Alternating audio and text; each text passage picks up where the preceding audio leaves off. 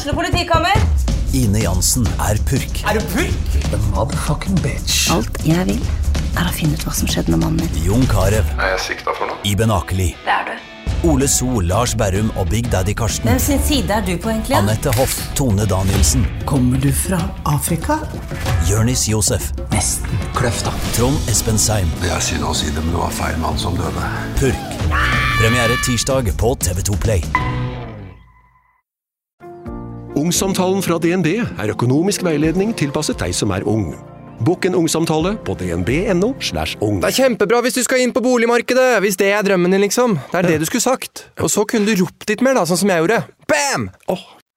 Hei og velkommen til en ny episode. Den her er jo da spilt inn eh, 30 sekunder etter den andre. Vi Men må vi fortsette. eh, har så masse å snakke om med Tina Løveberg fra Inspirasjonspodden, som er, sitter her i studio med oss.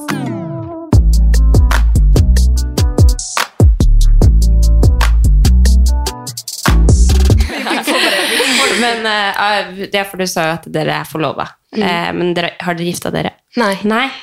Fordi det er jo når dere har stått oppi alt som dere har stått oppi, eh, har, har du noen gang følt på eh, på det liksom, eh, Vi er jo forlova, og egentlig kanskje liksom presset fra at det, da er det forventa at dere skal være sammen siden dere er forlova. At det har vært noe av grunnen til at dere har holdt sammen. da.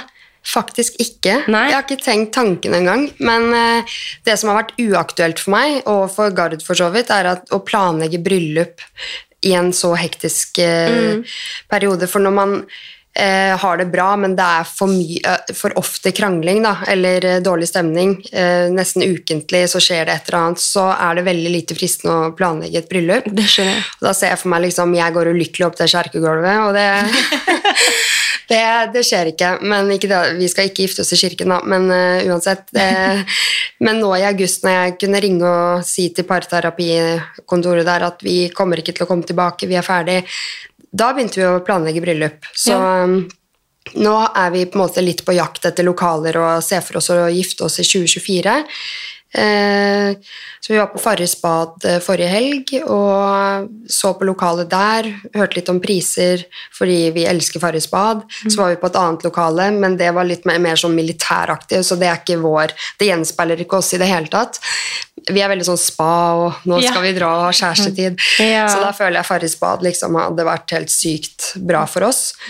Ehm, ja, men nei, ikke forlovelsen har ikke vært en tanke faktisk sånn å, det hadde vært uh, flaut å gjøre det slutt, Nei. eller nei.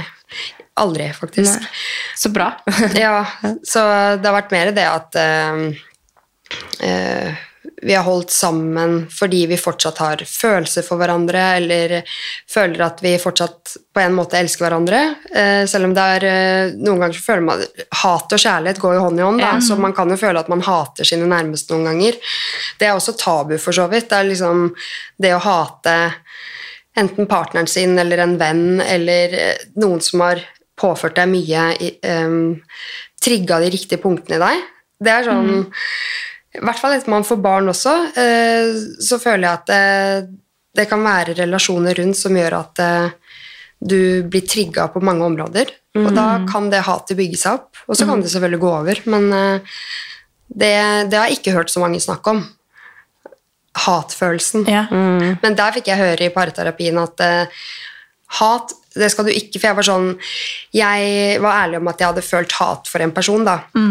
Eh, og da var han sånn Det er eh, helt eh, Det skal du ikke skamme deg over. Eh, det er en helt naturlig følelse som kommer når man blir nok trigga. Ja. Så det også er så fint med å få noen andre som vet hva de snakker om, til å bare bekrefte at du er ikke unormal, fordi det er så lett å tenke at man eh, har sånne skambelagte sider ved seg som eh, Og hat er noe som i hvert fall ikke snakker masse om. Ja, Så- hat. Og det er ikke sånn at jeg går og hater. Man føler seg seg som et dårlig menneske hvis man har sånne eh, følelser overfor noen. Ja, det er så mange følelser som er liksom tabu. Sjalusi har jeg heldigvis sluppet med gard i det forholdet. Jeg var eh, mer sjalu i mine yngre dager. Men eh, sjalusi, misunnelse, hat det er, sånn, det er helt naturlige følelser som dukker opp i livene våre. Liksom. Bare vi blir trigga nok eller uh, ikke har det bra med oss selv. Så man må snakke mer om dette. Ja, men man må jo det. Man må jo Ja, det. jo alle Det er jo bare at eh, man Er det sånn liksom at når du føler på Føler du på en måte at du kan si han alt, sånn som når du da hater noen, kan du si det til han? Eller er du redd ja, for det? det, det han sier noen ganger, er at eh, jeg er for åpen. så noen ganger så sier jeg ting han ikke vil vite heller. Eh, men jeg syns Men det kan du egentlig bare være veldig takknemlig for, fordi det kunne vært eh, sånn at Ja. du løy om alt eller aldri sa hva du egentlig følte, og det hadde nok vært mye, mye verre. Ja, jeg er sånn, Han sier jo for eksempel hvis vi er invitert i noe bryllup eller bursdag, og så vet jeg at oi, der er det en fyr som jeg har vært med før, f.eks. Da syns jeg det er fint at Gard vet det, og jeg forventer det samme tilbake. Ikke fordi at da skal jeg være sånn der, sitte og stirre på han hele kvelden, snakker han med hunden, eller Nei, nei. Men bare sånn at man vet. Jeg syns det handler om respekt, respekt. ja. Så um, hvis jeg har vært sånn derre Ja, der eh, Han har jeg vært med når vi skal dit, eller så er det sånn ja, jeg hadde ikke trengt å vite det, egentlig. Så er jeg sånn, jo, men jeg vil at du skal vite. Ja. Jeg, bare, jeg elsker å ha alt på mitt rene og bare si, si det sånn som det er, på en måte. Ja. Det er ikke for noe å skape noe drama eller Men snakker bare- har dere snakka mye om Jeg syns det er veldig interessant at dere har vært i parterapi. Jeg lurer så på hva de egentlig sier. Mhm. Jeg, jeg har lyst til å gjøre det bare for, av nysgjerrighet. For Og jeg tror tror det er så bra, enten man har barn eller ikke. Så Ja. selv om det har vært mye barneprat nå, så tenker jeg det eh, hadde sikkert vært kjempebra for deg og Ja. din også. Ja, ja. Og å og få liksom eh, prate om For det er det som er, det føles litt som at når man skal gjøre det, så må man ha et, et konkret problem å komme med. Mm. Men det kan jo være bare sånn som det enkle der at du har veldig behov for å fortelle det, og så har han helt annen måte å håndtere ting på. Mm. Og at man eh, en situasjon dere skal inn i, da, så tolker dere den helt forskjellig og har helt forskjellige behov inn i den situasjonen. Og da vet man ikke om det før det står der, før du står der, og så plutselig blir det en konflikt. Og så er det vanskelig å hente seg ut gjennom den. den. Men når du liksom kan prate om de her tingene i forkant og ha verktøy på plass når det oppstår, er jo en veldig asset. Men det føles rart å komme til en parterapeut nå og si sånn ah, Vi har Sånn her er vi. Kan du bare luske Bare Kan du bare hjelpe oss Ja. med Ja, men sånn, eh, for eksempel, eh, Kjenner dere til hverandres oppvekst og barndom? Det, der starter jo det meste av hvordan vi blir som voksne også. Det følger jo med oss eh, måten vi reagerer på ting, eller eh, hvordan vi håndterer konflikter, krangler, kommuniserer. Alt det skapes jo egentlig i barndommen, og det var veldig lærerikt for meg å høre, fordi jeg eh, jeg var en veldig sånn uh, utagerende tenåring. Jeg var veldig glad, men jeg, jeg svingte veldig mellom himmel og helvete. Um, og ja, som jeg sa, testa mye grenser, liksom ja, og det har jeg skjønt også er helt normalt. Det er sånn ungdomshjernen skal være. De skal teste grenser, uh, gjøre ting som er litt risikofylt og ja. Uh, men disse sidene var borte i mange, mange år. Når jeg data Gard, når jeg var i mitt forrige forhold, eh, kom det ikke så tydelig fram. Men når jeg ble mor, så ble jeg plutselig en tenåring igjen i perioder. Oh, ja. Eh, sånn hormonelt sett, da. Og Ja. det, man er jo så proppa med hormoner eh, etter man er født. Og det er man i tenåringstiden også, så det, skulle, så det er ikke så rart at man kjenner seg litt igjen fra tenåringstiden. Eh, Å gud, det håper han ikke skjer med meg. og så tenker jeg, det, er, det sier seg jo selv at egentlig to mennesker som blir sammen, får konflikter, egentlig, fordi man er så forskjellig. Man kommer fra forskjellige steder, oppvekster, eh, man har ulike livserfaringer. Gard drev med idrett for eksempel, og drakk aldri alkohol før han var oppe i 20-årene, mens jeg startet jo med alt eh, fra jeg var 13.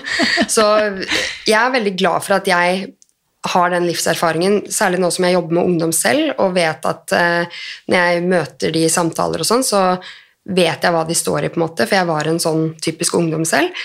Eh, og fordi da følte jeg meg klar for å skape familie ganske tidlig.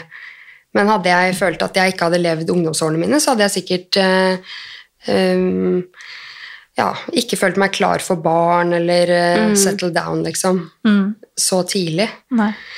Så Nei, men jeg tenker, altså, det, det å gå i terapi er jo uansett kjempelurt, men det føles, sånn som vi snakket om i stad, at det føles litt som at man eh, At det er liksom et nederlag, eller at det er liksom en ting man gjør hvis man er knekt, eller at man Men Men man har jo så godt av det, både selvfølgelig når man har det vanskelig, men også i forkant, for at det er jo bare et, et verktøy som ligger veldig til rette for at du skal liksom forbedre ting, da, uansett om du har det bra eller dårlig, Men så kan du alltid gjøre det ja. bedre. Jeg tipper også veldig mange lurer på hvordan, hvordan kommer man i parterapi, fordi ofte hvis man skal gå til psykolog, så går man jo ofte gjennom legen sin og blir henvist og liksom sånn. Mm. Men så kan man også gå privat. Er det ofte privat man går hvis man skal gå i parterapi?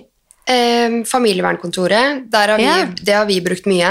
Eh, privat, det er eh, Det var tanken vår egentlig fordi vi For det første visste vi ikke om så mye tilbud. Eh, så vi var klare for å liksom Vi hadde funnet eh, Eller jeg hadde googla meg til psykologer, skjønte at dette kommer til å koste, men det får bare være. Det er en investering i forholdet. Ja, men så endte det jo med familievernkontoret, da. Eh, og det, er, det høres så skummelt ut. Det høres nesten ut som barnevern. liksom. Ja, jeg sånn. skjønner. Ja, ja. Så, men det er så sykt bra, liksom. De, de har alt fra sinnemestringskurs eh, til eh, megling hvis folk går fra hverandre, til eh, parterapi. Og det er dritflinke psykologer som jobber der, og familieterapeuter. Så mm, det er egentlig bare å Altså alle eh, Det finnes familievernkontor i alle bydeler, eller ja. Så det å ringe dit og sette seg opp, det er jo gratis og dritbra tilbud. Eller så er det jo å betale eh, 2000 kroner da, for eh, time. Så Da blir jo det et sånn stressmoment også, ikke sant? Sånn, hvis man skal det en gang i uka, da, og, eller hvor ofte man trenger det, altså, så blir jo det ja. Men jeg var fullt innstilt på å bruke masse penger på Ja, det. ja, ja, man Eh, er jo det. Ja, fordi eh, jeg er ikke så veldig sånn materialistisk av meg som trenger å kjøpe masse nye ting hele Mm. tiden og sånn. Så jeg var sånn Ok, det jeg bruker penger på, er opplevelser, god mat og eventuelt ja, Ja. parterapi, da. Ja, ja. Ehm, så det hadde ikke gjort meg noen ting, men uh, når familievernkontoret var så bra tilbud, så var jeg bare sånn Ok, her blir vi, liksom. Men det er veldig interessant, for det tror jeg ikke folk vet. Altså, hvis, man, hvis det brenner på dass, liksom, så har man en mulighet da, som ikke koster skjorta, eller som, som, er, eh, som kan hjelpe. Da. Ja. Men du snakka om at dere var glad i å dra på spa og sånn. ja. er dere også flinke til hverdagskjærlighet, eller har du noe sånn Har du lært noe om det de siste årene?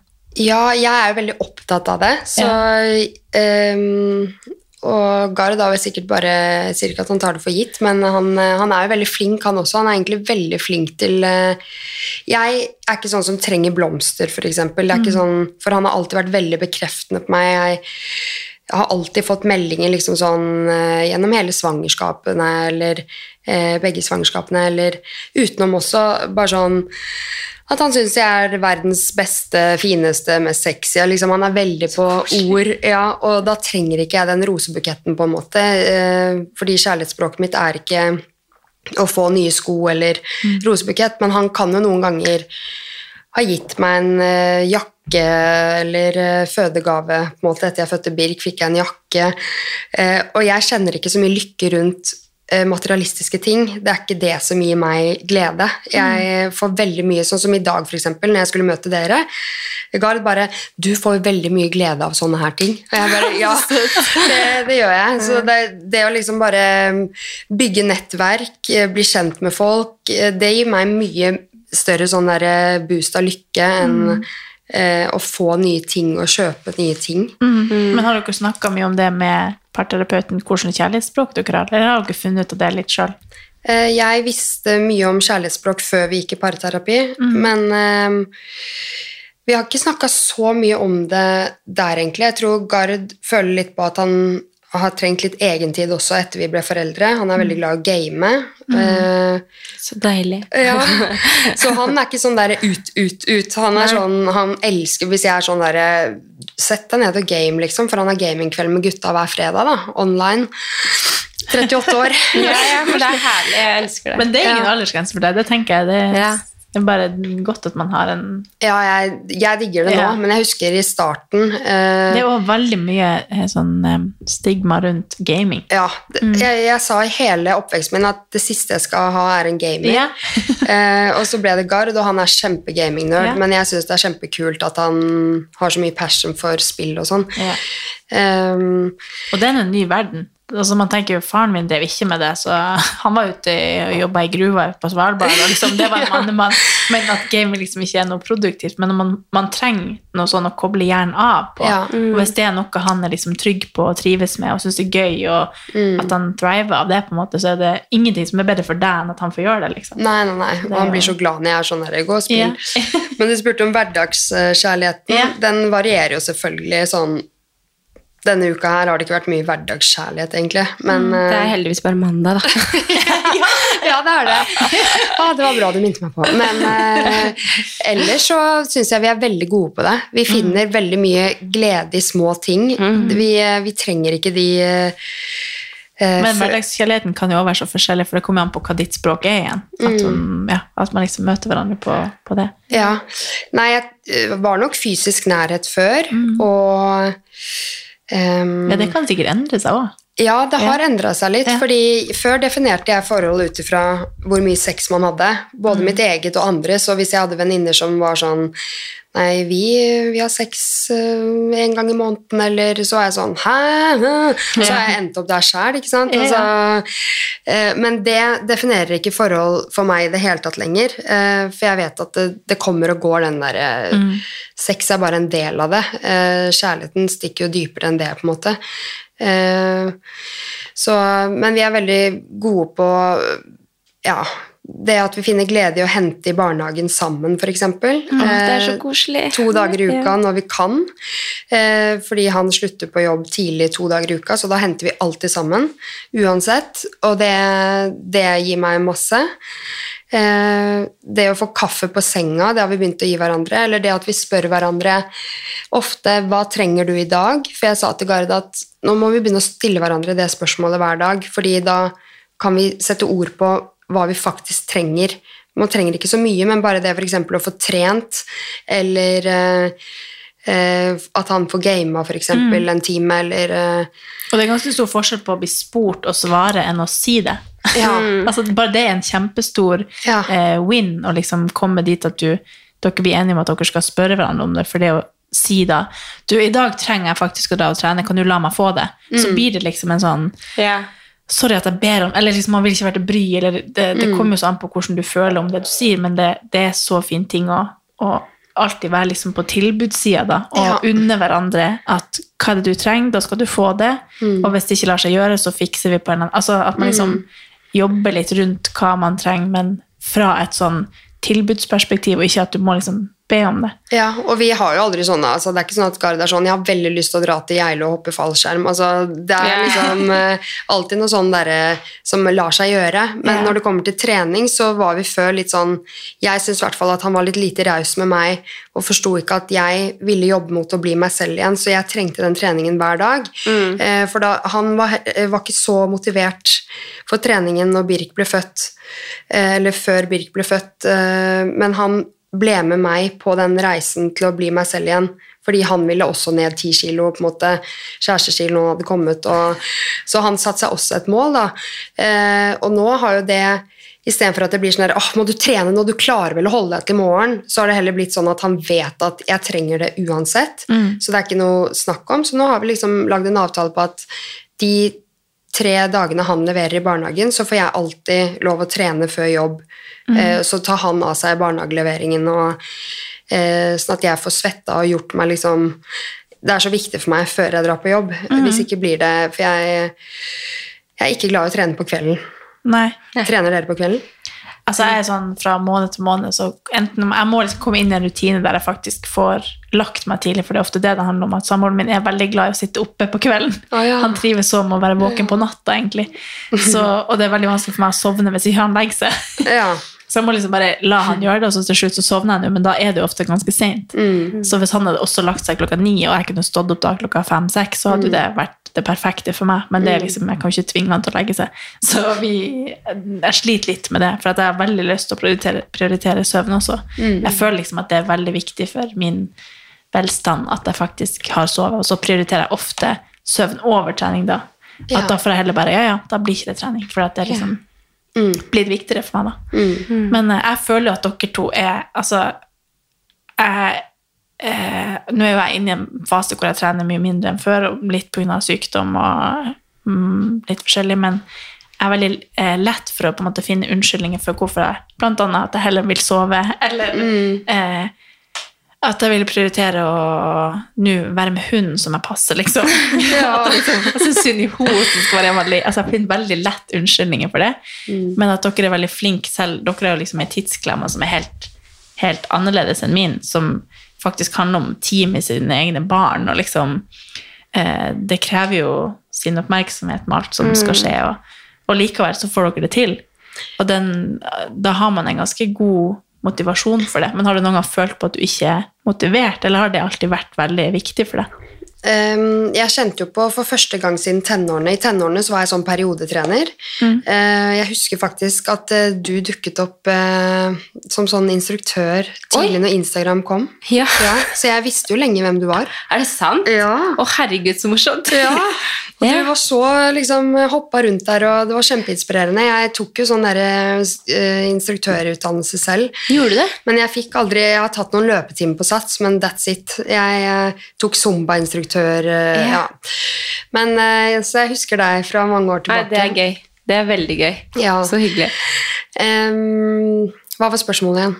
Om du eh, alltid har liksom følt på den motivasjonen Selv nå med to barn, så er du kjempeflink å få, få det pressa inn. At du, du la jo nylig ut at du følte på at, eh, at du er så heldig, eller at du er veldig glad for at du har motivasjon, og at du føler deg liksom motivert til å faktisk prioritere det, for at det er så viktig for deg. da. Mm, jeg er faktisk, uten å høres liksom, så er jeg motivert hver dag for å være i fysisk aktivitet. Om det ender med en powerwalk noen ganger. Så, men jeg får veldig dopaminrush av eh, å løpe og trene styrke, og det er jo ikke alle som får det i samme grad. Det er jo vist med forskning at noen får det mye mer enn andre, som kanskje svarer på hvorfor noen ikke blir eh, trener fast da, og heller blir periodetrenere. Um, jeg trente Jeg var ikke så motivert i svangerskapet med Birk. Da ble det veldig lite. Det var mye Nugatti og lite mosjon. Så jeg kan jo takke meg selv for at det, det ble så tungt. Men eh, med en gang han var ute, så syntes jeg det var eh, kjempegøy å jobbe mot å bli meg selv igjen. Og ja, begynte med turer, og så tok jeg meg en løpetur, og så ble liksom løping eh, Ja, la min elsk på løping etter hvert, da. Ja, Du var nylig med og sprang halvmaraton. Ja, Ja. herregud, det gikk jo ikke sånn som jeg håpet, fordi eh, jeg løp jo Hvor langt ble det? En mil eller um, lenger. Tolv kilometer dagen før jeg dro til København. Oh, ja. Eh, og så når jeg våkna på Kjøben, eller i Kjøben dagen etter, så hadde jeg dødsvondt under høyre fot. Nei. Så jeg klarte ikke å tra Jeg gikk og halta og bare sånn fy faen, liksom. Eh, men jeg var sånn Nå har jeg dratt til København i et døgn bare for å være med på det her, så jeg gjennomfører. Og Julie Tengelsen, en god venninne av meg, hun eh, dro også fordi jeg skulle være der, og jeg var der med familien, da, eh, som også skulle delta. Eh, men jeg gjennomførte og hadde egentlig et mål på 1,35 på halvmaraton, men eh, jeg halta meg liksom sånn Altså, jeg bare Ja, men jeg merker at jeg har blitt ikke, Jeg skal ikke si at jeg er toppidrettsutøver i hjernen, men eh, familien min har jo ofte drevet med det opp igjennom, mens jeg ble drittlei da jeg var 13. Bare sånn åh, jeg vil feste, jeg vil Ja, ja. danse, liksom. Eh, men så nå føler jeg at jeg har veldig sånn sterk mentalitet når det kommer til trening og gjennomføringsevnen min, da. Så det var gøy å gjennomføre, men det ble ikke helt sånn som jeg håpet. Nei. Men du snakker mye om at du er veldig motivert. Hva er det som er motivasjonen din? Det er at jeg blir eh, Jeg blir utrolig lykkelig av Å å trene. trene. Altså, det er, eh, det er svaret mitt, egentlig, fordi jeg sammenligner meg ikke med andre.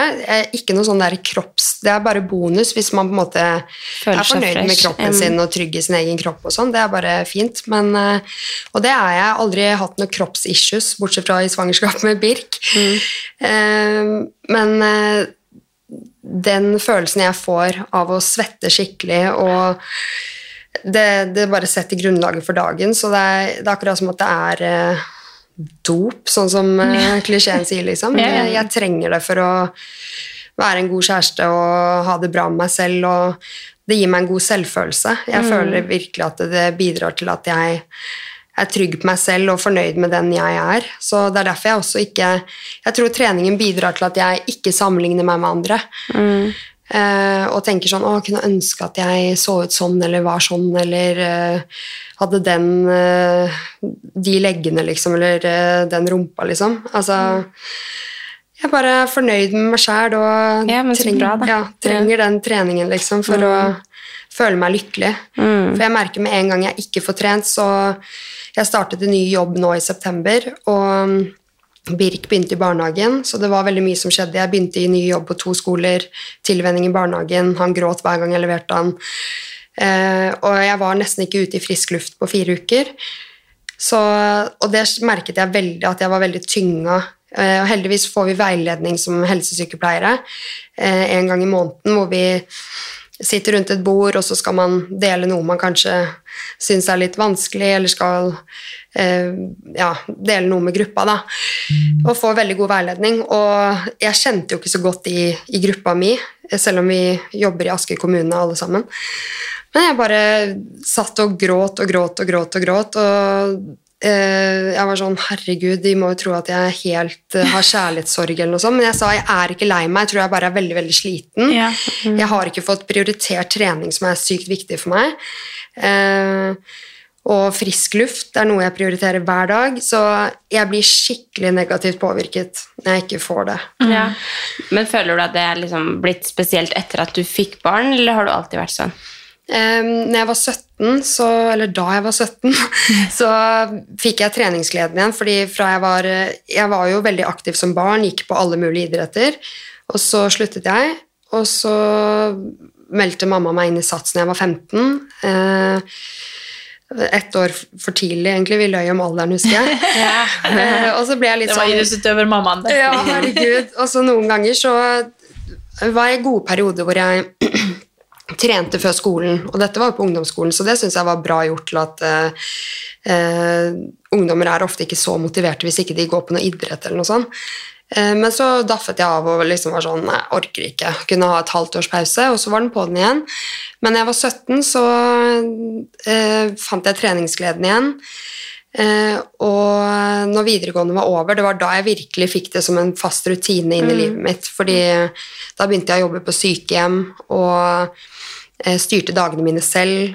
Eh, da var jeg 21, 20 og 21, og eh, reiste masse. Brukte pengene jeg tjente på sykehjemmet til å reise, og så eh, trente jeg hver dag før jobb, for jeg jobba, jobba, jobba hele tiden. Eh, og da løp jeg før morgenvakt halv åtte, og det, da satt jeg egentlig eh, ja, eh, grunnlaget for hvordan jeg ser på trening i dag. Da. Men jeg måtte finne den treningsgleden selv, for jeg føler liksom, jeg kommer fra en idrettsfamilie, og det var mye sånn Men Tina, prøv dette, da. Prøv dette, da. Eller liksom veldig mye sånn derre ytre. Jeg kjente aldri den derre ja, Du har lyst til å ja. ja. jeg hadde ikke Skjønner. lyst, og jeg var bare sånn der, slutt å mase og Jeg det var helt jævlig å få det hele tiden. Men eh, når jeg fant den indre motivasjonen selv, det var jo da det var gøy å fortsette. Eh, eller få det som en rutine i livet mitt. For da styrte jeg alt selv, og jeg Ja. Så den indre motivasjonen er sykt viktig. Mm. Ja, er du gæren? Den er jo det. Jeg bare kan tenke, eller hvis jeg skal se på mitt eget liv nå som jeg også er mor, da, så, så er det jo Jeg syns det er vanskelig det der å ofre tid med Amelia for å trene. Altså, jeg vet jo 100% hvor viktig det er for meg, men så er det også så sykt viktig for meg å få være med Amelia så mye jeg kan, da, spesielt etter at jeg begynte i barnehagen, så blir jeg liksom som en sånn svamp. Med en gang jeg kan ha hun, liksom, så blir jeg, og ikke er på jobb, da, så vil jeg veldig gjerne tilbringe tid med hun.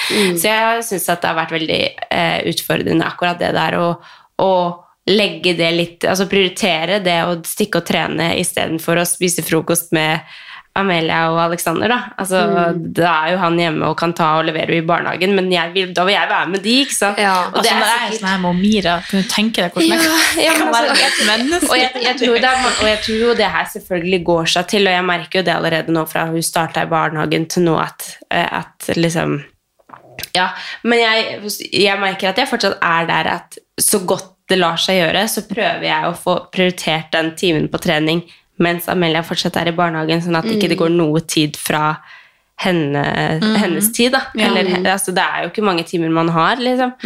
Så, så det syns jeg har vært en sånn skikkelig utfordring. Eh, men jeg vet ikke hva, hva du har tenkt rundt det? Eller hva som Jeg føler jo på det liksom de dagene Gard skal levere, og jeg stikker på sats kvart over seks, eh, han skal levere de til halv åtte, så jeg rekker ikke å se det så mye da. Men det er jo det som er fint med at jeg skal ned til 60 over nyttår også, fordi det er jo for å prioritere. Eh, kunne hente ut tidligere, være mer flex, eh, gjøre husarbeid, satse på podkasten mer. Eh, så, men jeg vet også at jeg trenger den treningen for å være en god mamma. fordi da, Hvis ikke så blir lunta mi kortere. Eh, Så for min del så er det nødvendig at jeg prioriterer det, og vi alle har jo ulike prioriteringer. Men eh, jeg mener jo at man alltid har mulighet til å enten ha med I hvert fall hvis man er i perm, da Birk har jo vært med på utallige løpeturer, eller hvis vi har vært i utlandet, så har han vært med inn på treningsrommet der. Eller så har Gareth tatt han og trillet han i søvn mens Storm leker. Altså, Ja, ja, men det, absolutt. Ja. ja, så det lar seg jo alltid gjøre, men det er den dårlige samvittigheten som Ja. liksom men jeg føler i permisjonstiden og alt sammen, så var det ikke noe stress. Da var hun med. Da, altså, hun har, jo vært mer eh, på crossfiten Ja, det så jeg jo. Ja, så, så hun er jo 100 men det er mer den der barne... Eller altså Ja, etter å ha starta barnehagen, så kjenner jeg liksom ekstra på det, da. At jeg For vil du også er i jobb. Også, ja, og da- ikke sant? Og da er det jo uh, Så med en gang jeg får muligheten til å trene klokka tre, da, så, og henter heller fire, så blir jeg, å, da føler jeg liksom Å, da er jeg naila livet, egentlig. Ja, ja. da har jeg fått liksom alt. Men man får jo ikke alt. Man kan ikke få alt. Nei. Og man- jeg vet jo innerst inne at det er superviktig, men også samtidig noe som jeg har på en måte forstått også i det siste, så ja, kanskje jeg er veldig mye mindre. Altså Nå har jo jeg alltid vært en veldig aktiv person og trent veldig mye på treningssenter, men den hverdagsaktiviteten som jeg har nå Jeg har aldri vært så aktiv som jeg er etter jeg har fått barn, Nei. og bare også det der at jeg er så veldig bevisst på hva jeg trenger da, å, å gå, gå frem og tilbake, altså gå, bruke beina og bruke den hverdagsaktiviteten som jeg kan få, da, så eh, flink til det har jeg ikke vært før, for da har det på en måte vært viktigere for meg å inn på det senteret og gjøre alt det som jeg vanligvis gjør for å få svette eller for å få utfordre, for å bli støl i morgen, mens ja, altså totalbelastninga mi nå i forhold til alt jeg gjør i løpet av en dag, er jo helt sinnssyk. Ja, ja, ja. Så det er jo Man må senke terskelen litt og bare tenke at eh, en tur er fint, eller velge trappa istedenfor heisen. Liksom. Mm. Sånne ting kan også være med å gi en sånn kortvarig glede. Ja, men absolutt. Ja. At man ikke må inn på sats og bare løpe intervaller og svette som en gud, liksom. Altså, Mm. man kan, Den hverdagsaktiviteten er jo kjempeviktig. Bare det å rydde, vaske hjemmet, det, det er jo terapeutisk i seg selv. Ja, det er jo det. Så um, det er mange måter å være i aktivitet på.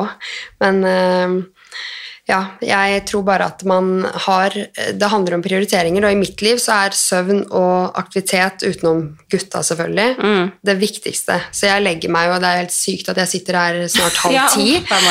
Eh, Nei, men jeg er ikke trøtt, da. Jeg er veldig Nei. sånn woo. Men eh, det er jo et unntak, fordi jeg sovner jo før klokka ni hver eneste kveld. Ja. Så når gutta sovner syv, så er jeg i seng eh, rett etterpå. Å, det er fjerner, deilig jeg fjerner sminken når de bader. gjør meg klar til å liksom bare hoppe i senga. selv, ja. og se på Netflix, eh, og så er jeg helt ferdig før ni. Ja. Eh, Så det er jo derfor jeg orker Det er mange som er sånn Imponerende at du trener klokka seks. Og så er jeg sånn Jeg syns det er imponerende at folk trener klokka ni om kvelden. Ja, Fordi enig. jeg er sjukt A-menneske, og eh, jeg syns jo ikke det er imponerende at jeg kommer meg ut tidlig om morgenen, fordi jeg sover sykt mange timer og prioriterer søvn, og jeg er skikkelig A-menneske, så da er det ikke så vanskelig, liksom. Nei, nei. Og så lenge du får lagt deg tidlig, så er det jo da føler du deg opplagt når du da står opp. Ja. Det er sånn, jeg kan se, så står det sånn fem timer siden, og så bare ja da! Ja. Da var du der ute. Ja. Det er helt, eh, men det er jo bare en forskjellig døgnrytme. Og, Ja, ja, ja. Det er jo ja, Hva er deres prioriteringer, da? nei, altså, jeg føler jo at jeg I priori- akkurat nå prioriterer jeg jo i hovedsak jobb og så samboeren min, da. Mm. Men eh, jeg har ikke så mange jeg må, jeg må prioritere, så, så det blir jo på en måte han. Men nå er det jo en unntakstilstand eh, hos oss også. men mm. men eh, jeg har liksom valgt bort ganske mye trening fordi at det går ikke utover meg sånn eh, Jeg merker jo at jeg har godt av det, men når jeg er sliten eller føler på ting, så er det verre for meg å få dårlig samvittighet for å dra og trene, eller da gir det på en måte det meg mer å være hjemme da, enn å dra og trene. Så da, men så merker jeg at jeg har veldig godt til det når jeg gjør det, men så, så det er ikke sånn at det påvirker meg så mye mentalt, eller sånn. Hadde det gjort det, så hadde jeg sikkert prioritert mye mer, men for Ja. meg er det bare en sånn uh, hyggelig boost. Ja. Ukens annonsør er Hello Fresh, og Hello Fresh er verdens ledende matkastleverandør. Oi, vent, magen min rumler. Jeg blir så er sulten av Altså, det Hello Fresh er så digg. Det har ikke vært en eneste uke der det ikke har vært digg mat. Jeg skjønner ikke hvordan jeg skal klare å kopiere oppskriften etterpå, fordi de har så mange smarte sånn krydder som alle har hørt om, og det er liksom Det er helt enormt gode oppskrifter hver uke. Og man kan velge mellom 25 ulike. Og denne uka har jeg valgt for eksempel familievennlig, tidseffektiv, eller hva det heter, og kalorismart. Sånn at det er liksom sunt og godt og raskt, og, men samtidig næringsrikt. Og det som er kjekt, er jo at hvis du vet du skal ha gjester, eller hvis du vet at du skal eh, trenger mat for flere personer, så kan du bare adde flere personer i selve matkasseleveransen. Og også hvis du, sånn som nå, eksempel skal på påskeferie eller et eller annet sånt, så kan du bare sette på pause den uka som du er borte. Altså, du bestemmer helt selv når du vil få det levert, og det er ingen bindingstid, så jeg driver hopper av og på hele tida ettersom at jeg ser at jeg skal være borte en stund, eller sånn, så enten kan man pause i uke, eller så kan man bare hoppe av, fordi det er ikke noe binding. Ja, så slipper man å ha matsvinn. Jeg har i hvert fall erfaring med det at når jeg har Hello Fresh, så kaster jeg mye mindre mat. Ja. Og jeg eh, er mindre på butikken, kjøper mindre ræl, liksom. Det er jo det som er. Og Hvis man er på butikken hver eneste dag, så kjøper man jo masse ting man ikke trenger. Det er Ja. så digg å bare få det levert på døra.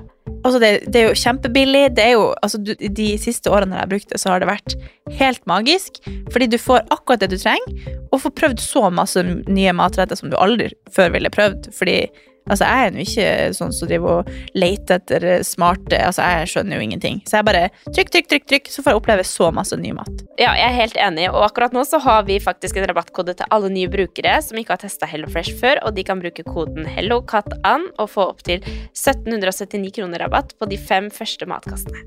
Tusen takk for at HelloFresh er med og sponser ukens pod.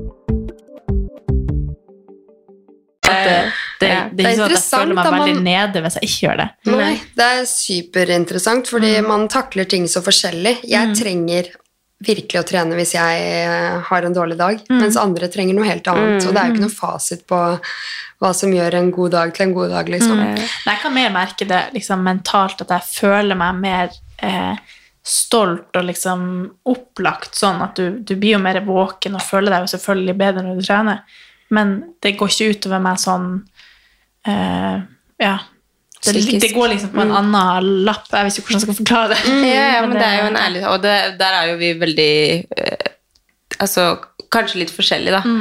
For jeg føler jo at uh, hvis ikke jeg får kommet meg på treningssenter en dag, så må jeg da må jeg gå til jobb. Eller da må jeg Ikke for at liksom, jeg har noen sånn tvangstanke på at det må jeg, men jeg må bare gi meg selv et eller annet da, som, hvor jeg føler at jeg har fått brukt kroppen på en eller annen måte. Så- jeg tror det handler litt om altså Fra når jeg var lita, så jeg har jo aldri likt fysisk aktivitet. Det har jo vært noe jeg jeg tvingte meg til å like. Det har liksom ikke vært innprinta i meg. Og det handler jo sikkert om at jeg var eh, litt større, og, og mamma og de ville jo gjerne at jeg skulle være aktiv. Og så mm.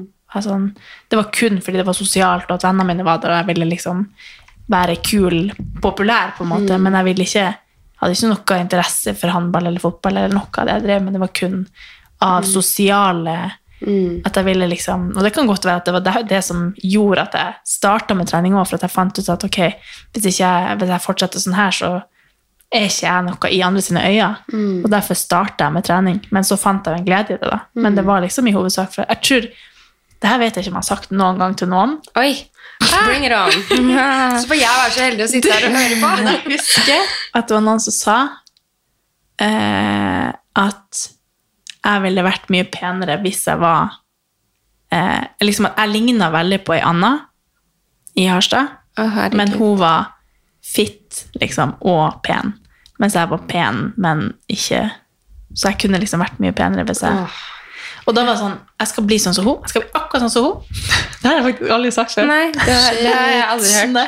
Men, Men det, det gjorde at en jeg bare- grusom kommentar. Nei, men det gjorde bare sånn Ha! Tenk hvor pen jeg kan være. Ok, Så det var motiverende for Det deg? var, ja, oi, er.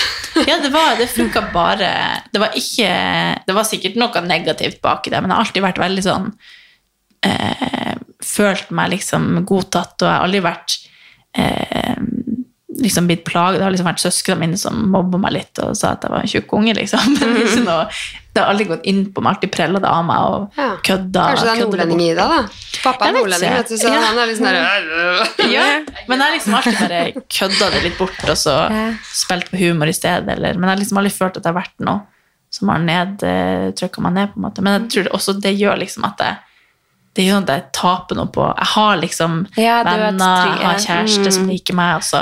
Og det er jo hva som er viktig for deg også, ja, ikke sant? Det viktigste for meg er sosiale Ja, og jeg får en sånn indre krise liksom, Ja. hvis, jeg ikke, hvis jeg ikke får trent. Og det Mm. tror jeg handler mye om at jeg nullstiller meg. Altså de her får rensa, rensa hodet, da. Mm. At hvis det er mye Ikke det, jeg føler liksom at det er så veldig mye som jeg skal rydde opp i hodet mitt, men det er bare noe med den følelsen av at jeg føler meg ren, da, hvis jeg har fått trent. Ja. Og det tror jeg jo stammer fra, fra mye forskjellig. At, øh, men, eh, men eh, ja. Men det er jo også veldig fint at man kan være såpass på en måte stabil i seg selv også, at ikke det at du eh, ikke får trent, går utover din eh, deg på den måten. Mm. Som, Mm. Så det er jo en, en Jeg tror på en måte det går ikke det Nei. går, ikke inn, det går liksom ikke på selvfølelsen min, eller hva det er rette definisjonen på det, men at det Mm. går på en måte bare på eh, litt liksom Det er bare at jeg kjenner at kroppen har trent, og det er digg, men det Mm. går liksom ikke noe dypere enn det. Nei. Og ja. Nei, men det er jo helt, eh, helt topp det at du har det forholdet til det også. Ja. Og det er ikke det at det går nødvendigvis på selvfølelsen av andre som, sånn som dere føler det, men det bare føles liksom som at det, det er veldig sånn enkelt å prelle av meg at nei, det er chili. Det, det, Ja, det er ja. Men, Det men det, det kan jeg også si at 100% sikkert har blitt altså Jeg har blitt mer avslappa til, Mm. Til det å ikke komme seg på trening, eller liksom skammen over å liksom ikke få til det som jeg har Ja. tenkt at jeg skal. Da. Eh, det har roa seg veldig etter at jeg fikk barn. Mm. Eh, og det har jo vært noe jeg har jobba masse med tidligere også, for jeg har slitt med spiseforstyrrelser òg, men det er jo Mm. også veldig lenge siden. Men da har jo det også eh, å på en måte trene på å ta seg treningsfri har jo vært en sånn stor del av det. da. Mm. Men etter at jeg har fått barn, så har det jo Jeg føler at hvis ikke jeg rekker gymmet den dagen, så har jeg i hvert fall brukt tida mi på noe som betyr mye for meg. da. Og Ja, det er jo sikkert også fordi trening betyr veldig mye for meg, så da har det jo på en måte gått litt opp i opp. Men det er jo det som vi snakket om i stad, at du sa at man, man har jo så lang historie at bare sånne små valg at du må få lov til å få trene den dagen, handler jo om hele livshistoria di. Det er liksom grunnen til det lille ønsket der. At det er liksom så viktig da, at når det er så viktig for deg, at man liksom kan unne hverandre den egentida, og at du får Mm. lov til å eh, bruke tid på det, og at det er at man liksom forstår hvor viktig den der tingen er. da. Mm. At ikke da man liksom Ja, men nå skulle vi ha kjærestetid. Så, ja, men dette er faktisk viktigere for deg ja, også. ja. Ja. Eller sånn, man har liksom alltid noe eh, Hvis man ikke forstår det, da, så er det lett å bare si sånn Ja, men hallo, nå sitter vi her og skal spise middag, og så skal du ut og springe i stedet. Altså, sånn, det jo, men det er jo når det er så viktig, så må man bare snakke med oss om Ja, det. Da. Man tror vi har hatt sånne samtaler sånn, Ja. nå sitter vi her og torsken er ferdig, liksom, og du skal ut, og så er jeg sånn, ja, men jeg må bare ut. Men torsken kan jeg spise hva som helst. Ja, Ja. men eh, det, det endret jo Gard eh, faktisk til å bli motivert da, Mm. av å se at eh, dette ble så viktig for meg, så han nå er jo dette noe han også eh, må hver dag. Da. Yeah. Mm. løper, jeg må ha bilen på jobb eh, hver dag, så han sykler og løper til jobb. Han eh, jobber på Bekkstua 15 minutter fra oss. Ehm, så det er jo superbra at han har blitt like motivert. Så nå, nå har vi det samme behovet plutselig igjen. Mm. Og mye av det som tiltrakk meg med Gard, var jo at han, det var en person jeg kunne være aktiv med, og dra til Lofoten og gå toppturer, liksom. og Mhm. Eh, ja, går, eh, kjøre rundt i Norge og gå toppturer, eh, trene, løpe, trene styrke. Og når det liksom forsvant litt, så var jeg sånn skal, skal det eneste være at vi snakker om hvor mange bæsjebleier Birk har hatt i dag? Ja, storm? ja, ja. Så blir jeg sånn Fy faen, nå ble jeg hun som man bare har sett på film, liksom. Eh, hvor man bare snakker om eh, de ja, tingene der. Så for vår del, eh, og jeg tror også mange par har godt av å være fysisk aktive sammen og ha det som en sånn felles eh, og det, Nå tenker jeg litt sånn helsefremmende og forebyggende også senere i livet, selvfølgelig, men det er jo et annet eh, tema igjen, da. Det er en ny episode, det. Det er en, en tredje episode. Men du, jeg tenker jo sånn med, med at du nå springer halvmaraton, og du er liksom Ja, en, da hadde du en baby på under et år, og at du har jo nesten kommet i ditt livs beste form etter du ble mor, faktisk. At det er jo en kjempemotiverende eh, greie som du holder på med. Ja, jeg eh, Man hører jo mye at eh, eh, kroppen forandrer seg, og eh, får masse meldinger på Instagram av eh, jenter på min alder eller eldre eller yngre som har blitt mødre, som er sånn Hvordan får du det til, og liksom treningen og prioriteringen og eh, motivasjonen, ikke minst, og sånn. Men eh, eh, det er litt sånn Har man den indre motivasjonen til å og vet hva trening gjør med deg, kartlegger sånn hva, hvordan føler jeg meg etter en treningsøkt. For min del så er det at jeg føler meg lykkelig, liksom, og ehm, jeg får god selvfølelse av det. Ehm, trygg i meg selv og eh, elsker å bare løpe rundt og svette. Jeg får veldig god effekt av det. Så ehm, da har det vært veldig motiverende eh, etter at jeg fikk barn, for nå tror jeg at jeg er ferdig med barn, hvis ikke så tar vi en ny vurdering om fem år eller noe sånt. Eh, og jeg har lyst til å bare være i god form og ha, ta litt vare på meg selv nå, for nå har jeg på en måte vært tung to ganger på veldig kort tid. Eh, så um, ja. Eh, jeg har absolutt kommet i min livs beste form. Jeg har aldri vært i så god form før. Nei. Og det, det er den indre motivasjonen. Ja, ja. Det er ikke sånn derre 'Å, nå skal jeg ha en tidenes sprettrumpe', liksom. Eller eh, Det er selvfølgelig bonus hvis man føler seg vel Ja, i klær og i bikini og sånn, men mm. det er ikke første prien av motivasjon. Men det kommer kanskje da av at nå har det blitt enda viktigere å faktisk få den. At før var det på en måte noe du bare gjorde litt innimellom, men nå er det sånn, nå har du den tida, og da må du liksom få den til å, Ja. til å At man er litt ekstra effektiv. det. Ja. Mm. At man faktisk da pusher seg litt hardere når man tenker at Sånn er jeg veldig på gruppetimer. At nå er sånn, jeg faktisk meldt meg på og dratt på den. Jeg, har mye mer, jeg gir mye mer da enn hvis jeg trener sjøl, for da er det kun meg sjøl. Liksom. Mm. Da kan jeg holde på så lenge jeg vil. Eller, altså, det er ofte, når man har den lille tida, så gjør man det. Man Ja. skal få til, og man har dratt dit, og du vet at du har prioritert det her nå. Da må du faktisk få det til å være verdt det. Ja, ja. Før hadde jeg litt tvangstanker at eh, hvis jeg, jeg måtte være på mølla f.eks. klokken eh, 10.00, da. Eh, og så måtte jeg gå ut av Sats klokken 11.00. Jeg var veldig rar på det. Hæ? Sånn oh, ja. time. Ja, men det er bra, da, for da blir man effektiv. Ja, men det var liksom sånn, Karet var sånn her, herregud, Tina, hvis klokken var 10.01 for eksempel, så var, det sånn, så var jeg sånn, kom igjen da, trykk på mølla. Og han var sånn, det her orker jeg ikke faktisk. Og det skjønner jeg. Det er sånn du er sånn der tidsgreie, altså, det var kjemperart. Men nå kan jeg liksom, ok, nå løper Du jeg har OCD på klokka på mølla? Hæ? Du har OCD på klokka på meg? Ja, det var helt merkelig. Jeg skjønner Ja. ikke hva det kom av, men eh, det har forsvunnet, da. Så Ja. nå kan jeg på en måte jeg driter i klokka, eh, hva klokken er, og jeg driter i hvor lenge jeg trener. Noen ganger så Mm. blir det tre eller fire kilometer løpetur eh, halv seks, og så er jeg ferdig dusja klokka seks, liksom. Mm. Men du klarer er ikke å springe med det. 5,53? Det må liksom være seks kilometer. Å ja, eh, før var det også sånn yeah. eh, 10.00 eller yeah. eh, 8 kilometer blank, liksom. Yeah. Eller, men nå driter jeg om det blir 4,53, Ok. liksom. Ja, Ja, det er jo eh, veldig interessant hvordan man kan Åh, man kan bli er så sånn, hvis, jeg, hvis jeg er ferdig nå, hvis jeg er med bilen, så går ikke jeg en ekstra runde. Akkurat. Men det, sånn er de fleste vennene mine. Altså, Gareth, jeg måtte løpe rundt i sirkler noen ganger bare for å få den Ja. ja. og han bare Herregud, det der Ja, nei, det, Man har godt av å få et avslappa forhold til det. Ja. ja. Men altså, jeg føler vi kan snakke i evigheter. Nei, jeg har et. Ok, greit. Kjør på. Eh, om du har noen eh, tips for hvordan man skal bli tryggere i seg sjøl? Både som mor eller bare som, som deg sjøl. For det føler jeg at du har en veldig eh, Når du sier at du ikke sammenligner deg med andre, sånn, har du noen verktøy du liksom har tatt i bruk når det har dukka opp, eller har du alltid vært sånn, eller? Jeg tror det bare har kommet med livserfaringer, selvfølgelig, så selvfølelsen varierer hele livet. Mm.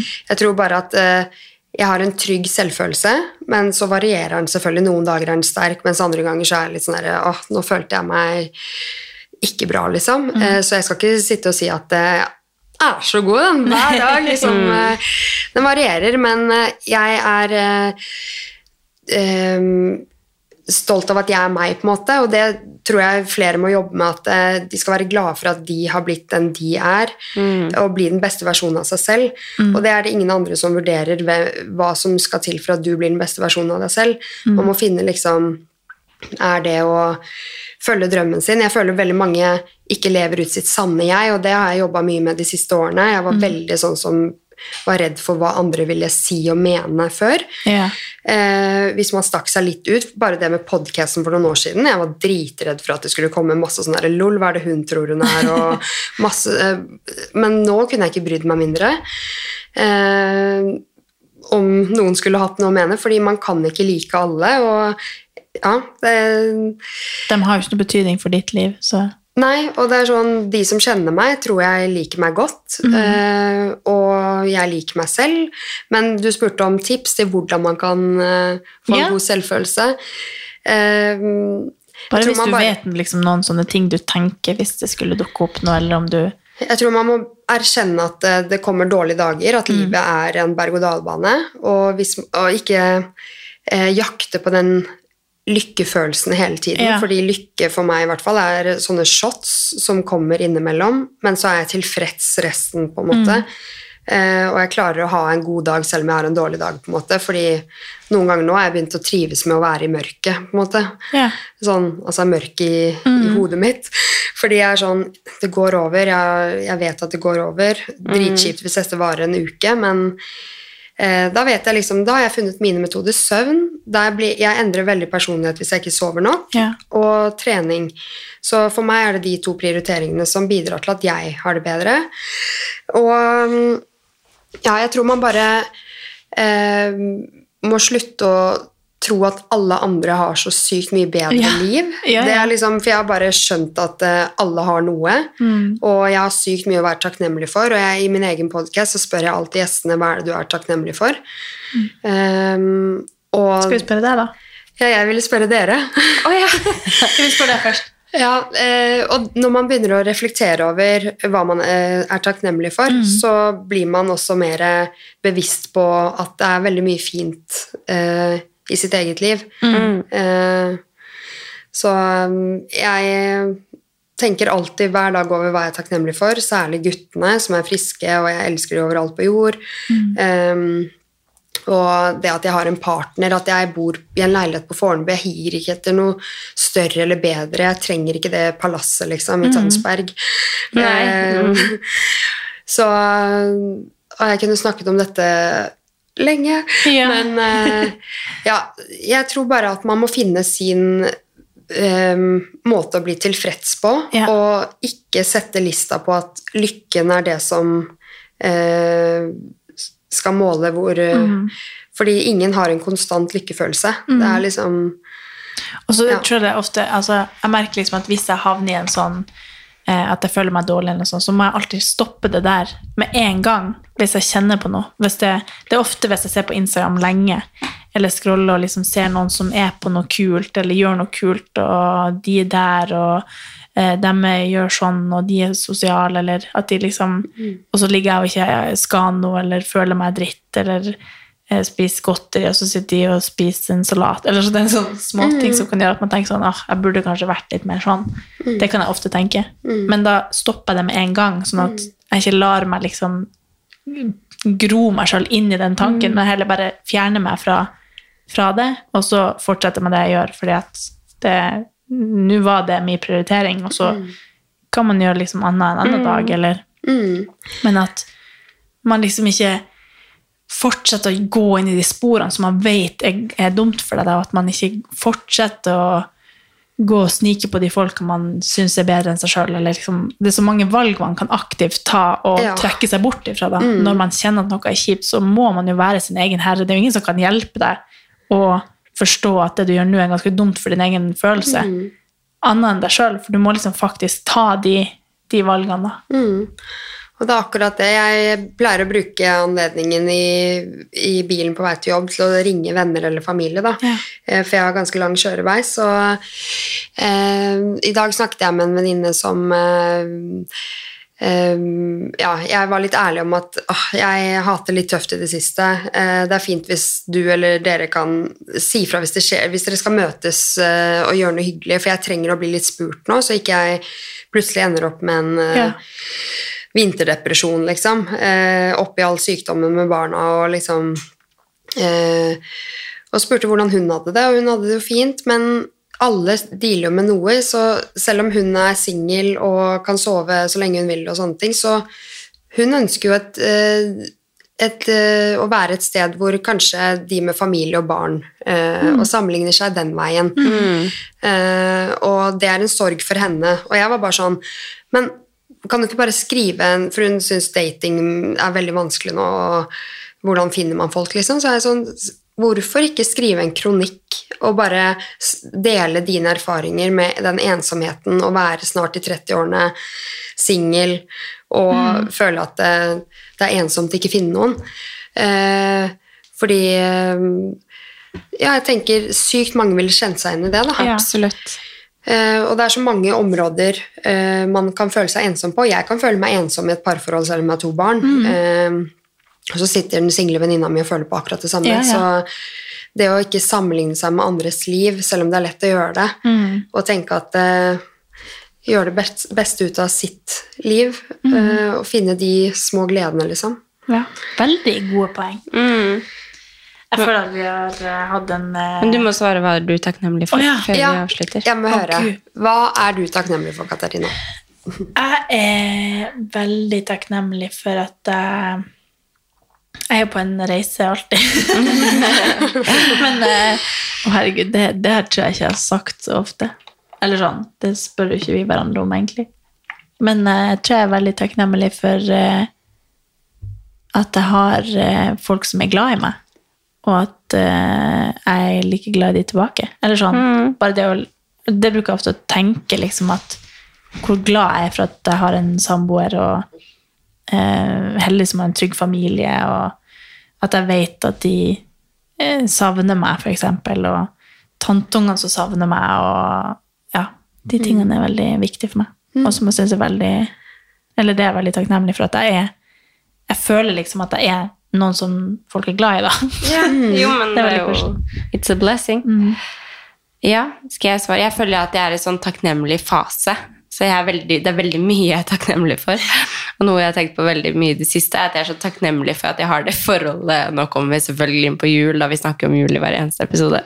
Men for at jeg har det forholdet jeg har til jul, og det tror jeg også er veldig nå når jeg har Amelia, og jeg vil veldig gjerne at hun skal ha det samme forholdet til jul som det jeg har. At jeg liksom er veldig opptatt av at men at jeg kjenner så mange lykkelige følelser rundt det, da, for det er jo absolutt ingen selvfølge. Eh, så er jeg supertakknemlig for at jeg har Amelia, og at jeg har eh, kjæresten min og familien min, som jeg har et fantastisk forhold til. Eh, og veldig takknemlig for at jeg har en kropp som tillater meg å få trent og bruke kroppen. da. Så jeg kan sikkert fortsette. Men, eh, men eh, det, jeg tror det er liksom de toppkategoriene mine. At det er noe som jeg er veldig takknemlig for. Jeg tror jeg også jeg tenker veldig mye, veldig ofte på eh, ting jeg er takknemlig for. Og også sånn som du sa, at jeg har liksom venner som jeg bare Det bruser inni meg når jeg skal tilbringe tid med vennene mine, fordi at vi har det hyggelig, og det er trygt og godt, og man unner seg hverandre det beste, og det, det, det er jo ikke en selvfølge, det heller. Så ja. Ja.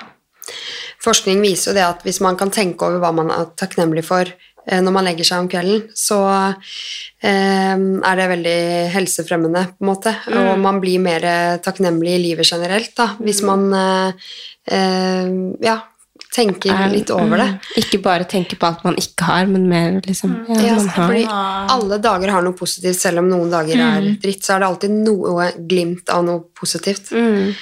Kan jeg stille ett siste spørsmål? Ja. Ja, Føler dere at dere lever ut deres sanne jeg, eller føler dere at dere lever ut ifra hva andre forventer at uh, Hvordan dere skal være, på en måte? Jeg føler at, eh, at jeg er ganske trygg på hva jeg selv vil og trenger i livet for å ha det bra.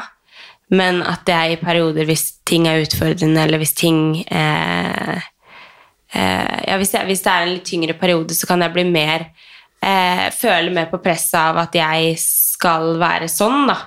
Eh, det kan nok ha mye med at man er på sosiale medier, og at man driver en podkast, eller altså at man, man, er, man har på en måte åpna en åpna opp litt, da. Eh, så jeg kan merke det at i perioder, hvis, det, hvis ting er tøft, så, så føler jeg mer på at ja, men hva, er det jeg, hva er det jeg egentlig driver med? Hva er det hvem er jeg egentlig? Hva er det jeg egentlig trenger? Altså, jeg blir usikker på det. da. Men eh, når jeg, på, når jeg har det fint, og ting, ting er på selv, holdt jeg på å si, ikke alt selvfølgelig, men, men at jeg er mer trygg i meg selv, så, så vet jeg litt mer hva Føler jeg at jeg lever living my best life, da. Sånn som jeg er inne i kanskje nå, da. Ja. Egentlig. Så fint. Jeg føler kanskje at jeg gjør uh, uh, Ikke lever mitt sanne jeg.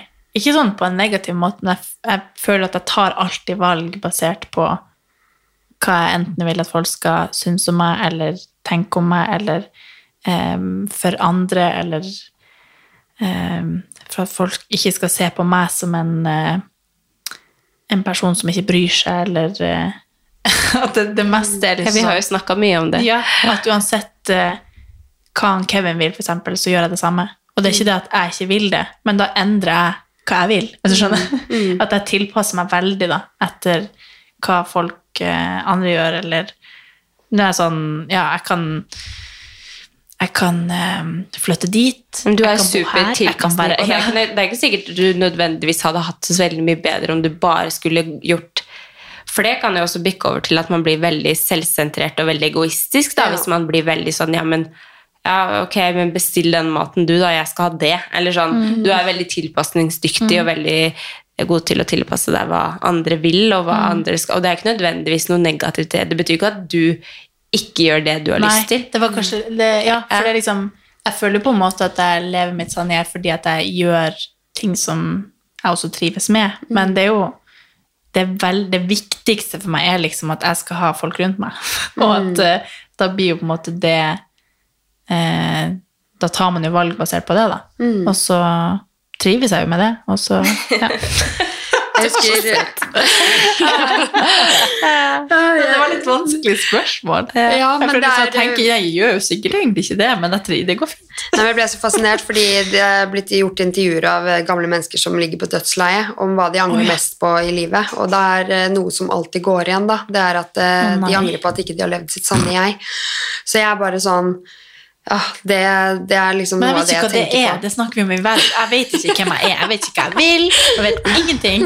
Nei, det er jo vanskelig, det er det liksom. vanskelig det også, å bli klok på hva man egentlig selv trenger. Ja, sånn og hva egentlig, man egentlig, egentlig. Altså, jeg kan jo altså, Jeg har jo en drøm om å lage musikk. Altså, Ja. Hvis jeg skulle bare fulgt det som liksom girer meg, så hadde jeg jo bare sittet og miksa musikk, sikkert, fordi Ja. det liksom er min en av min, eller det er veldig passion, da.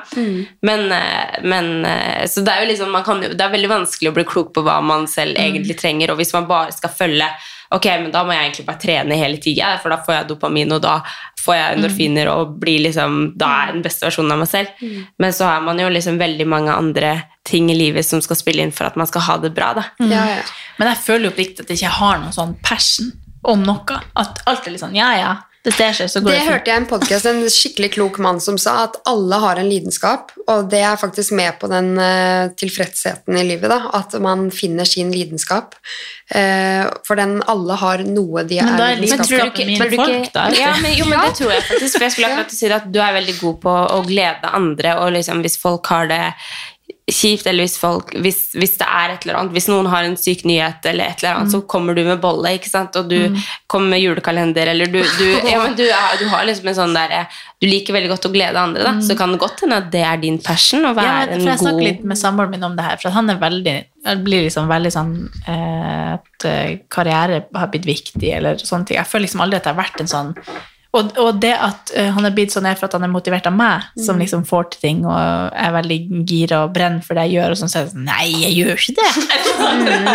jeg føler oppriktig ikke at jeg brenner for, for altså, sånn, Jeg syns det er gøy, liksom, men jeg har ikke noe sånn det skal jeg få til, og jeg skal komme dit, og jeg skal bli sånn og sånn. Nei, det er jo sånn, det som er så fint, at du er jo bare deg selv, og så Ja. gjør du det beste du kan på de planene som Altså sånn som på jobb, da, for eksempel, Mm. så er det jo sånn du er jo jeg, jeg skjønner, For jeg ser jo ikke den der at du, er, du, du skal bli Du skal klatre, du skal liksom Mm. Du er jo ikke den personen, men du, gjør, du er sinnssykt flink i jobben din.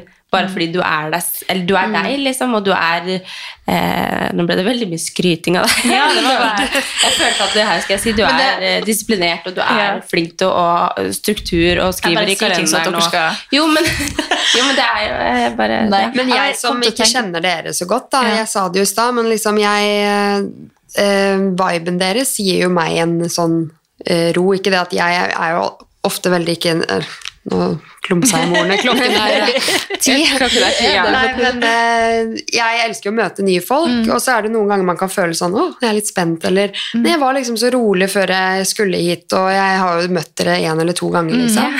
Så det, det er føles ikke sånn.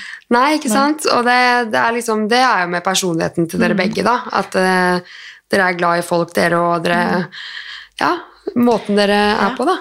Men det jeg tenkte på med mitt sanne jeg, er jo jeg tenkte at det er Jeg måtte bare si det, at jeg, jeg tror det handler om at man eh, liksom har et mål om noe. Eller sånn at hvis det Jeg vet ikke hva er mitt sanne jeg. Det er liksom at man Jo, men jeg skal har et eksempel. komme Sånn, til noe, vi, hadde, mm, eller vi er på fast jentetur i Arendal, det har vi Mm. vært noen år. Ehm, ja, sånn som der, for eksempel. Da, de, de som bor over der i leiligheten der, de ser på fotball. Veldig mange av våre venner eh, er veldig sånn Å, det er kamp, den skal vi dra og se, liksom. Eller snakke mye om den kampen som har vært. og det finner ikke jeg noe interesse i. Og hvis jeg skal være sånn Ja, jeg kommer og ser på, jeg også. Da, da er det sånn, da gjør jeg det for å bare være Sosial. Ja, eller inklu, føle at det, da er ikke jeg mitt sanne jeg. For Ja, jeg, jeg finner ikke noe interesse i det. Så jeg, jeg føler vi tar så mange valg, små valg i hverdagen som er sånn Liker jeg egentlig uh, Ja. dette her, eller eh, Men det gjør jeg veldig mye. Jeg tar, det her har vi snakka mye om, eh, jeg og Andrea, sånn eh, privat, at jeg har veldig vanskelig for eh, enkelte relasjoner som man kanskje ikke liksom føler, eller Men så gjør jeg det likevel, fordi at jeg vil liksom eh, ikke såre noen, eller vil jo fortsatt være en, en venn, eller liksom Men det, det er ikke nødvendigvis for min del, men for den sin del. Og det gjør liksom at jeg alltid har veldig, veldig veldig mange relasjoner som jeg hele tida har dårlig samvittighet for, eller føler liksom at, at jeg ikke strekker til, eller Og det tror jeg Jeg tror ikke jeg gjør det i så mange andre ting, men det er også det at det er så viktig for meg med relasjoner. Og så mm. samtidig så har jeg ikke, jeg ikke nødt altså Jeg har det veldig fint med å bare ha noen få, egentlig, men så gjør det liksom at man Alle valg i hverdagen gjør liksom at jeg er sånn Åh, hvorfor er jeg sånn? Og så bare går det liksom utover meg sjøl etter hvert. Så, ja. Man klarer ikke å pleie mange, mange relasjoner. Nei. Og i hvert fall, eh, det kan sikkert du sorry, kjenne deg igjen i. Sånn, livet består av så, Du legger oppmerksomheten din på så mye annet nå at eh, du har sikkert vært veldig selektiv kanskje etter Mm. du fikk barn, om hva bruker du tiden din på, Mm. hvem gir du energien din til. Katarina er Jeg åpenbart en av gleder meg til jeg skal få barn, sånn at jeg bare kan Nei, dessverre. Men jeg føler jeg var Jeg har liksom veldig ikke noen grunn til å ikke skulle prioritere andre nå, føler jeg. At jeg har liksom Jeg har fortsatt masse å gi, eller sånn. Men jeg tror jeg, har vært, jeg var sånn før jeg fikk barn også. Altså Jeg føler egentlig ikke noe har forandra seg i, i ja. relasjoner. Det er bare, jeg er veldig opptatt av at jeg skal ikke gjøre ting jeg ikke har lyst til. Altså Hvis jeg er bedt i en bursdag, selvfølgelig er det mine nærmeste, så kommer jeg i den bursdagen. Mm. Men hvis det er sånn Det der jeg. Drar i sånne Ja, du drar. Ja, bare fordi at bare fordi at jeg føler at det, det da, Hvis jeg drar på den festen, og så føler jeg faen, jeg vil heller vært hjemme og sett på Skal vi danse. Da, Ja. da gjør jeg heller det, for Ja. det vet jeg er viktigere for meg. Da.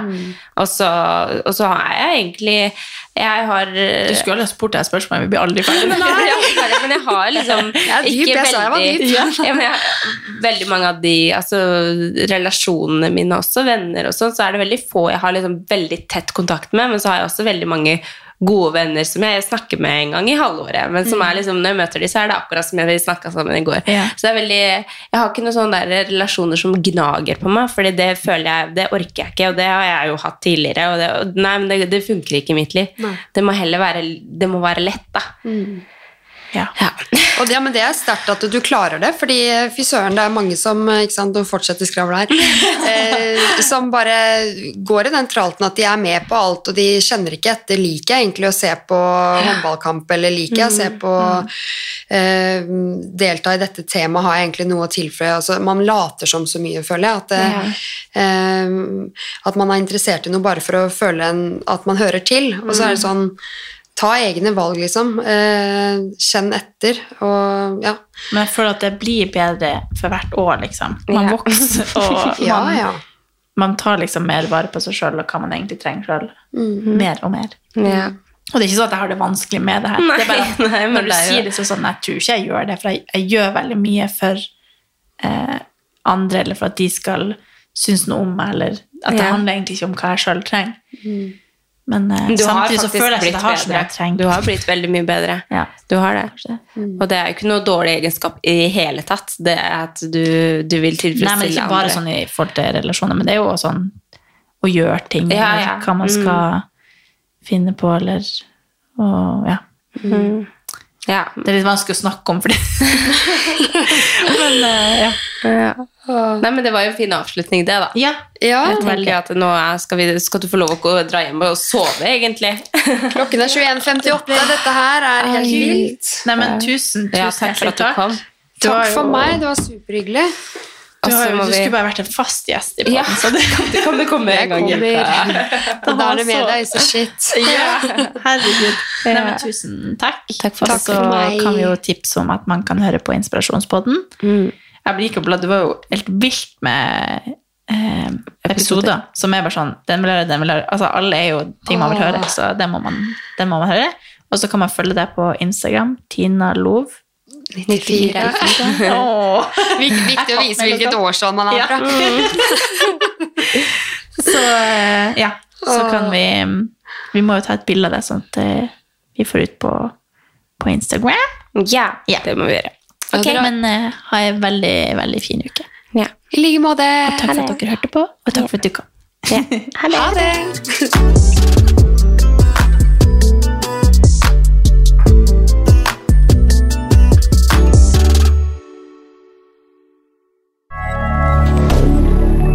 Moderne media. Har du et enkeltpersonforetak eller en liten bedrift? Da er du sikkert lei av å høre meg snakke om hvor enkelt det er med kvitteringer og bilag i fiken, så vi eh, gir oss her, vi. Fordi vi liker enkelt. Fiken superenkelt regnskap.